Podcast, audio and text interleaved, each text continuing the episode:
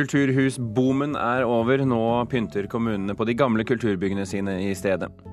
Radiolegenden Chris Evans blir den nye programlederen i Top Gear.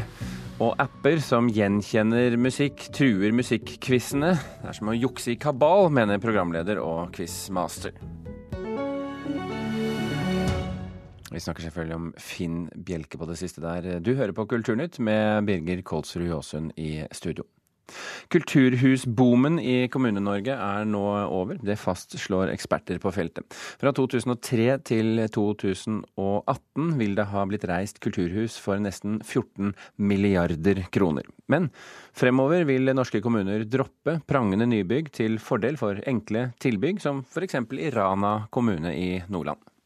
Her har jeg tenkt eh, å se på eh, å slå ut noen vegger og litt tak her, sånn at eh, vi får bygd et galleri. Ordfører i Rana kommune i Nordland, Kai Henriksen, forteller om planene for å pusse opp kinoteatret i kommunen.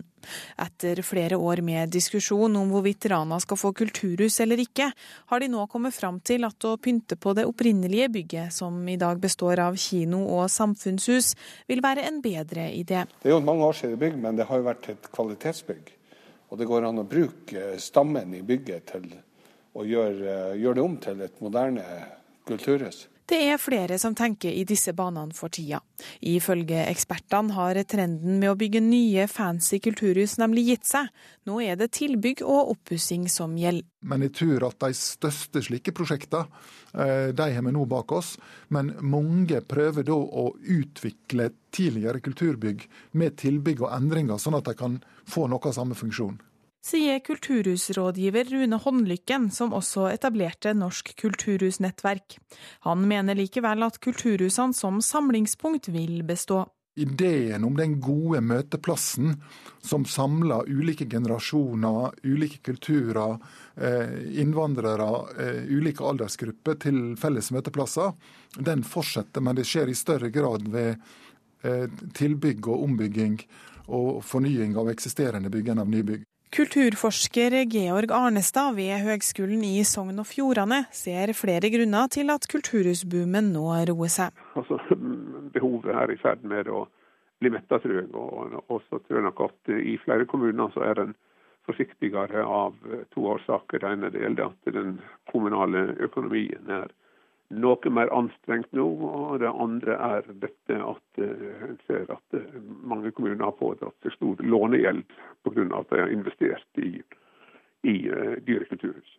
Han forteller at det nok vil ta sin tid før vi ser en ny oppblomstring av det han kaller veldig dyre kulturbygg. Tida for de store kulturhusinvesteringene i oppunder milliardklassen av VLD, den tror jeg er forbi for, for en tid nå. Blitt bygd mye, og, og det har blitt bygd i dyreste laget.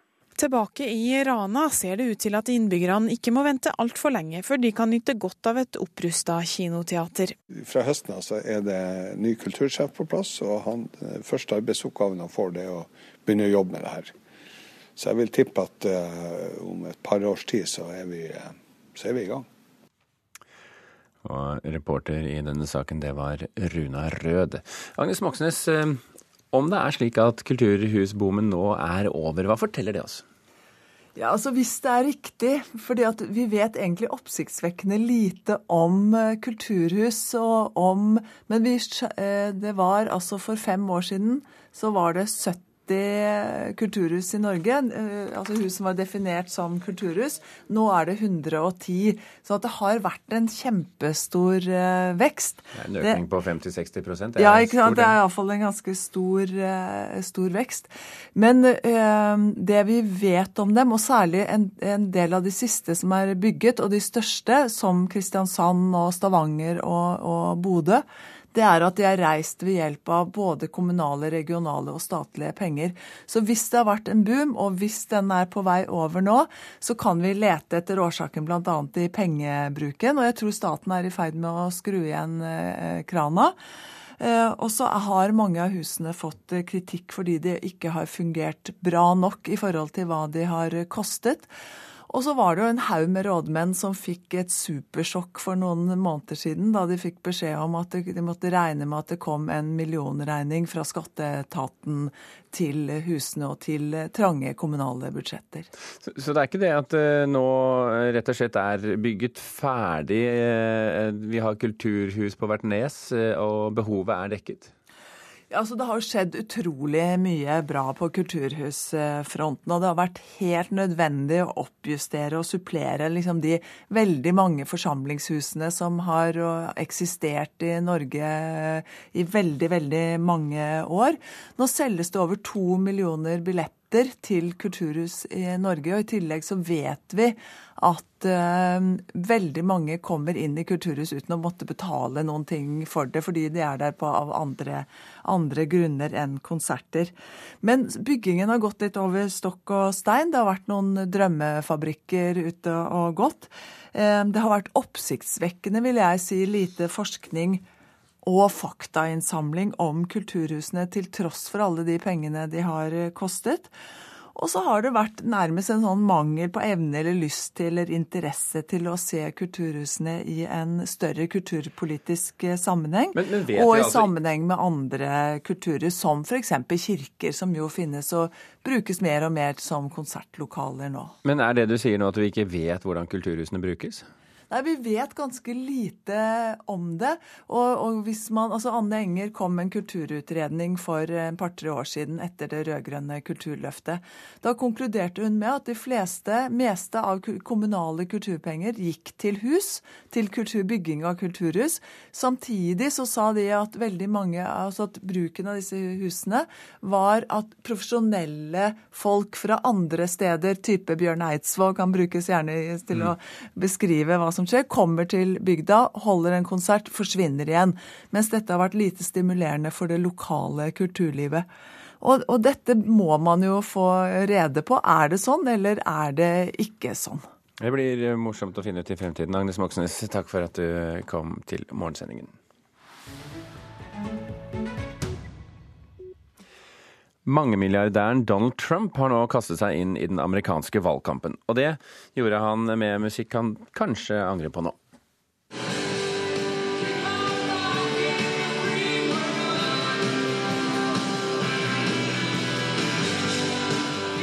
Med håret og familien på plass seiler Donald Trump ned rulletrappen og inn på scenen. Det skjer i den gulldekorerte førsteetasjen i Trump Tower i New York. I bakgrunnen gjaller Neil Youngs hit fra 1989, 'Rocking in the Free World', over høyttalerne. Og musikkvalget skal vise seg å bli bare den første av det som blir beskrevet som en lang rekke tabber denne tirsdag kveld i New York. I am officially running for president of the United States. For Neil Young har på ingen måte godkjent bruken av musikken få timer etter at Trump annonserte sitt kandidatur, sendte artisten ut en kunngjøring der han tok kraftig avstand fra bruken av sangen. Og det burde kanskje noen i staben til Trump ha forstått ville skje, for Neil Young støtter politikeren som sannsynligvis er den eneste sosialisten i det amerikanske senatet, Bernie Sanders. Really Men kveldens Trump-show stoppet ikke der.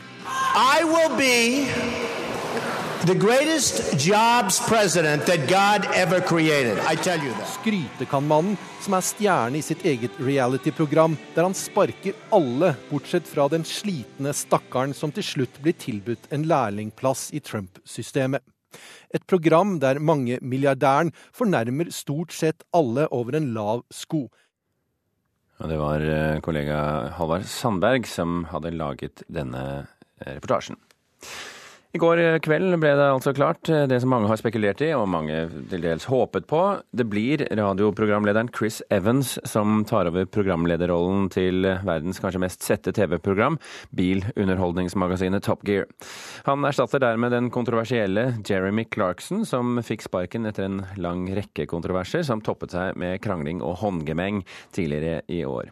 De to har faktisk spøkt om dette skiftet for ikke så lenge siden.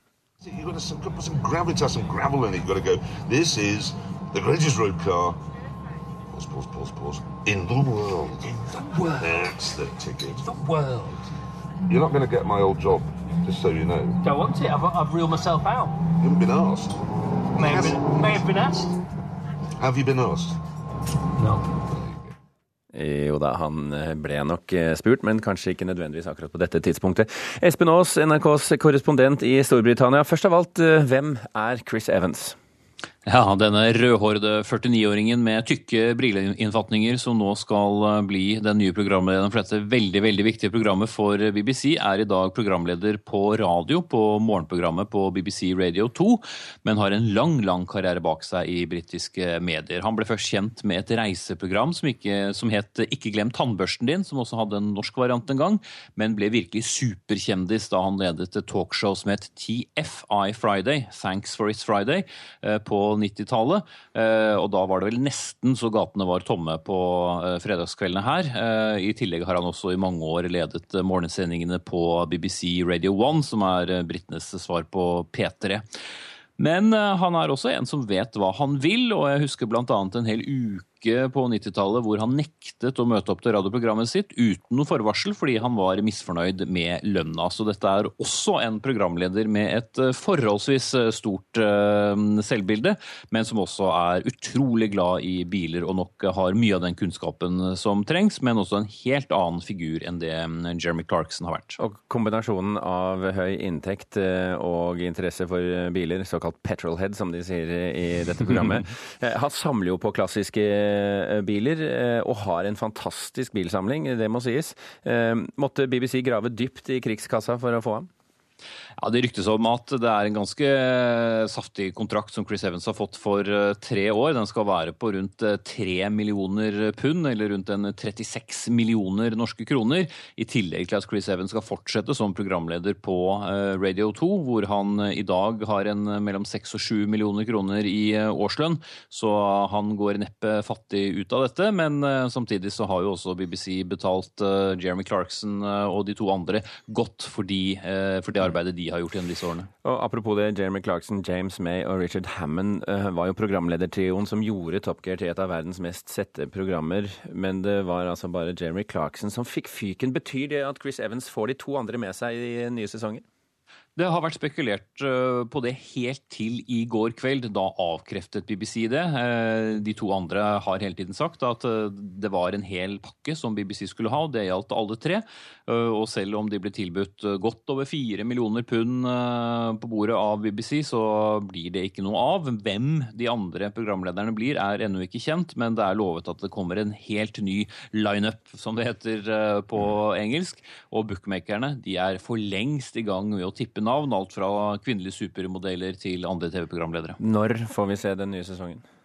Ja, nå skal vi først og fremst uh, se det siste programmet med Jeremy Clarkson og May og, og, Hammond. Og så skal Chris Evans for alvor gå i gang med å uh, lage det nye programmet. Han er en veldig veldig kreativ uh, TV-mann, så det kan nok hende at det blir et annet program. Men de som har lyst til å se ham, og må nok smøre seg med godt stykke tålmodighet. Og så kan de heller se de små YouTube-klippene som finnes av ham da han har gjestet bilene sammen med Clarkson. Apropos tålmodighet, Espen Aas, vi er nødt til å runde av der. Takk for at du kunne være med oss fra London. Klokken er 16,5 minutt over åtte. Du hører på Kulturnytt, og dette er toppsakene i Nyhetsmorgen nå. Tonen skjerpes mellom Russland og Nato. I dag øver norske soldater i Polen. USA er ett skritt nærmere et forbud mot tortur av fanger. Og romfolk som tigger blir trakassert mer i Norge enn i andre skandinaviske land.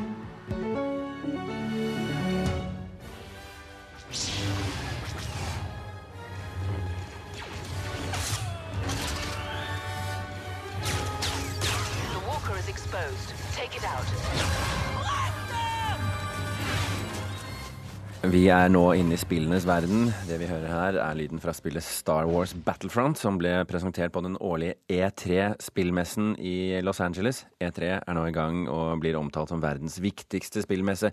Marte Hedenstad i Filmpolitiet, du følger med på hva som skjer der. Og for de litt uinnvidde først, hva slags messe er dette? Jo, det her er jo som du sier den viktigste spillmessen i verden. Og det her er jo da stedet hvor de største distributørene og produsentene holder store pressekonferanser der de viser frem frem en ny spill og ny teknologi, eh, og da på en måte setter standarden for eh, hvordan spillåret, det kommende spillåret kommer til å bli. Og hvordan, og, og, hvordan, og hvordan ser det kommende spillåret ut fra det vi vet eh, så langt Ja, det er stappa fullt av svære blockbustere, som eksempel Star Wars Battlefront, som vi hørte lyd fra her. Det er mye actionspill, mye science fiction, skytespill, men også noen små indie-spillperler eh, spredd imellom. Det mange er opptatt av, er jo selve spillkonsollene og teknologien. Og hva er det siste innen spillteknologi nå? Ja, altså, eh, som, altså, vi har jo fått litt nytt sånn en ny spillkontroller eh, til Xbox One og sånne type ting, men det som eh, jo man ser er den store trenden, er at i år så ser vi på etere at nå har alle storspillene De kommer kun til den nye konsollgenerasjonen som vi har, altså PlayStation 4 og Xbox One, og også PC. Eh, tidligere år så har vi sett at eh, mange av spillene også har kommet til den forrige konsollgenerasjonen, altså PlayStation 3 og Xbox 360. Eh, Men når vi nå ser at spillene kun kommer til det som er nytt, så betyr det at vi kan utnytte teknologien enda bedre, utnytte spillmotorene bedre, sånn at grafikken blant annet ser veldig fin ut. Så det er bra. Men, men sa ikke Microsofts eh, Xbox-sjef Phil Spencer at Xbox One skulle bli såkalt bakoverkompatibel? Jo, det stemmer. Så i tillegg til å tenke fremover, så har de faktisk nå også eh, hørt på fansen og tenker bakover. Det var noe de sa at de ikke ønsket å gjøre da de lanserte konsollen. Eh, men etter mye roping fra fans som har lyst til å spille de gamle Xbox 360-spillene sine, så har de nå begynt å åpne for det. Eh, og det er jo litt kult, da, fordi eh, du kan tenke deg at du, har pak du må pakke ned alle, alle de gamle spillene dine som du har eh, samlet opp, ned i boden, og du ikke kan bruke på Xbox One. Så eh, det er noe som har vært etterlengta blant fansen. Men de nye spillene de kommer kun til den nye konsollgenerasjonen. Nå har jo messen eh, holdt på et par-tre dager, eh, og, er vel slutt i morgen, tror jeg. Eh, Mm. Har det vært noen overraskelser til nå?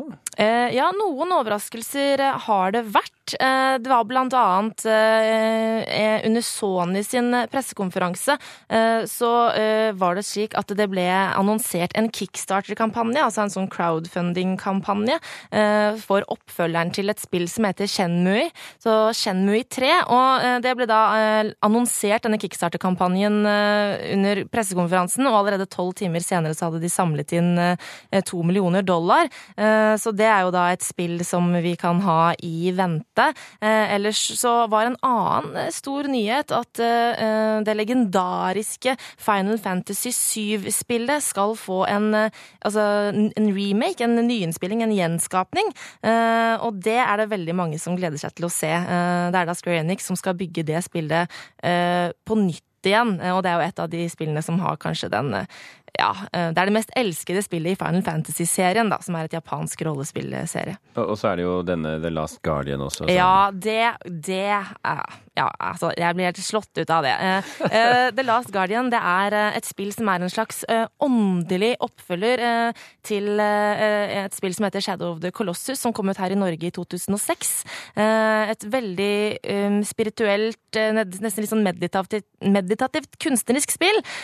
Og det var da eh, slik at eh, Shadow of the Colossus eh, skulle da få den, spirituelle oppfølger, som du sier, som heter The Last Guardian. Det ble annonsert i 2009 under Endelig. E3-messa. Og det har vært så mye frem og tilbake, men nå er det virkelig endelig bekreftet at det kommer i 2016. Så da var det mange fans som kunne puste lettet ut. Og en av dem, Marte Hedenstad. Tusen hjertelig takk, Marte, for at du kunne være med i Kulturnytt i dag.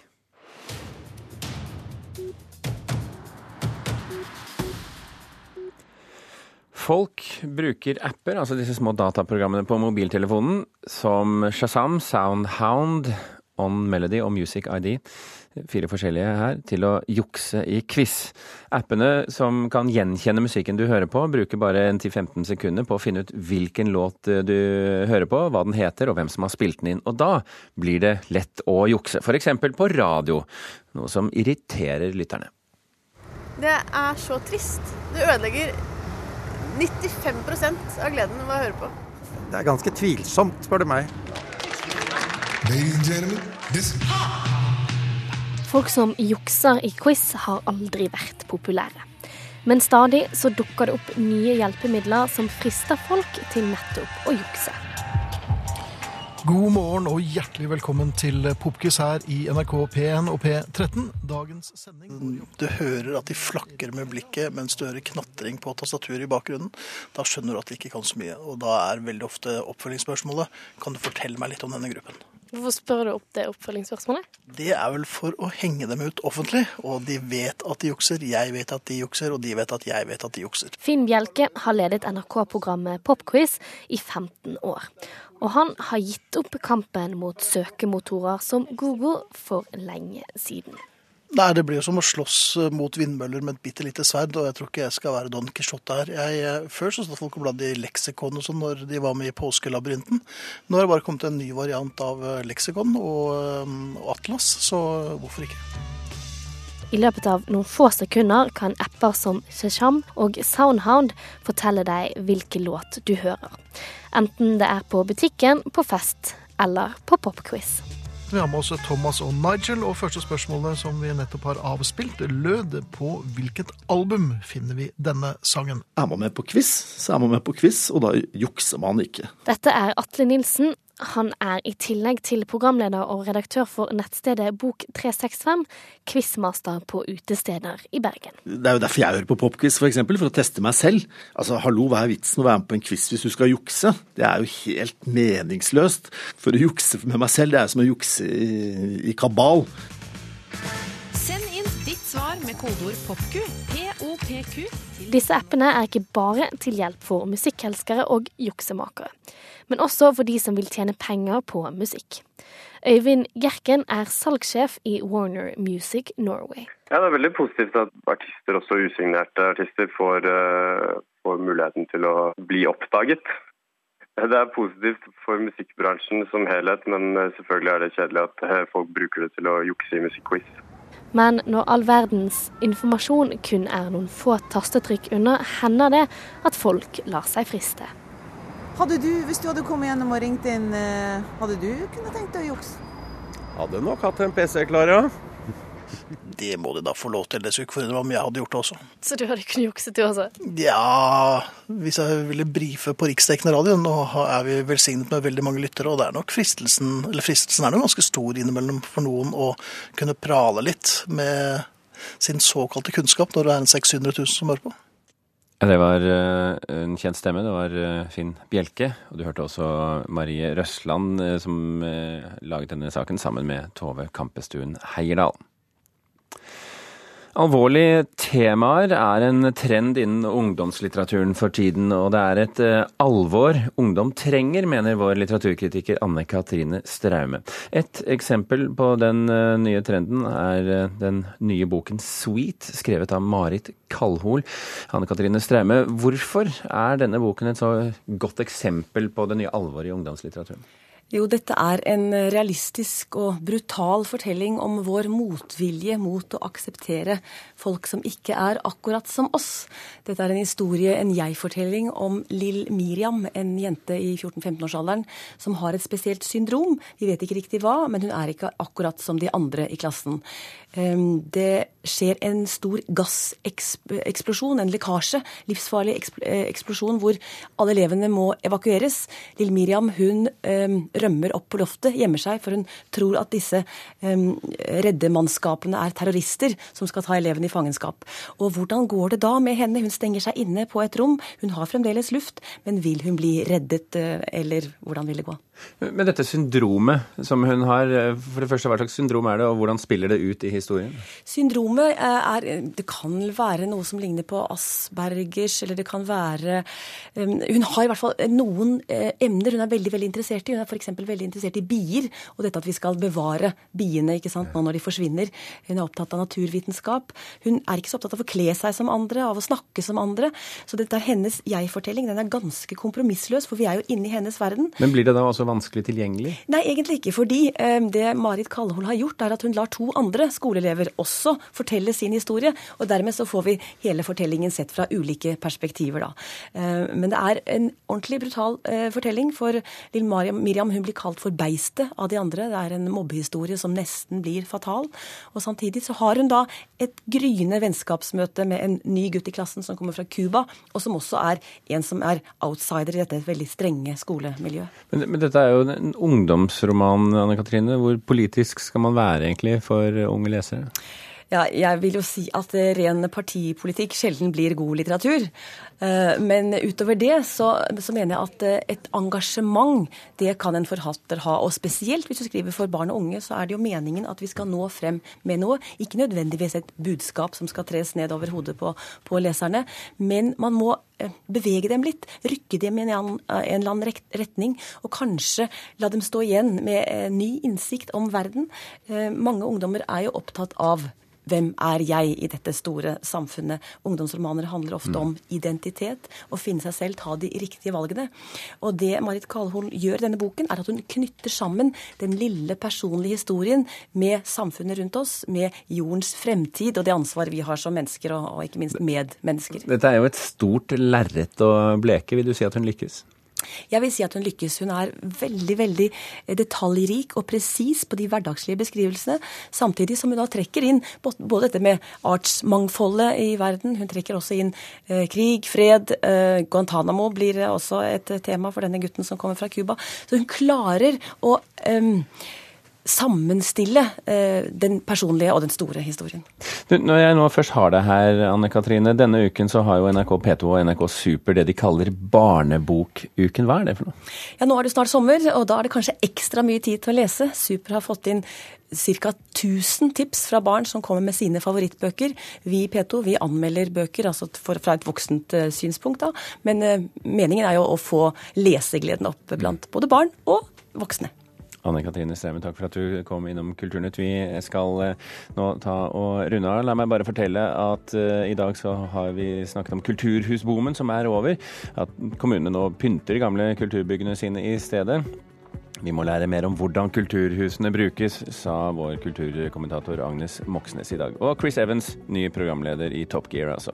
Hanne Lunås, Vidar Sem og eh, Birger Kålsrud Aasund takker for følget. Nå får du flere nyheter fra Nyhetsmorgen.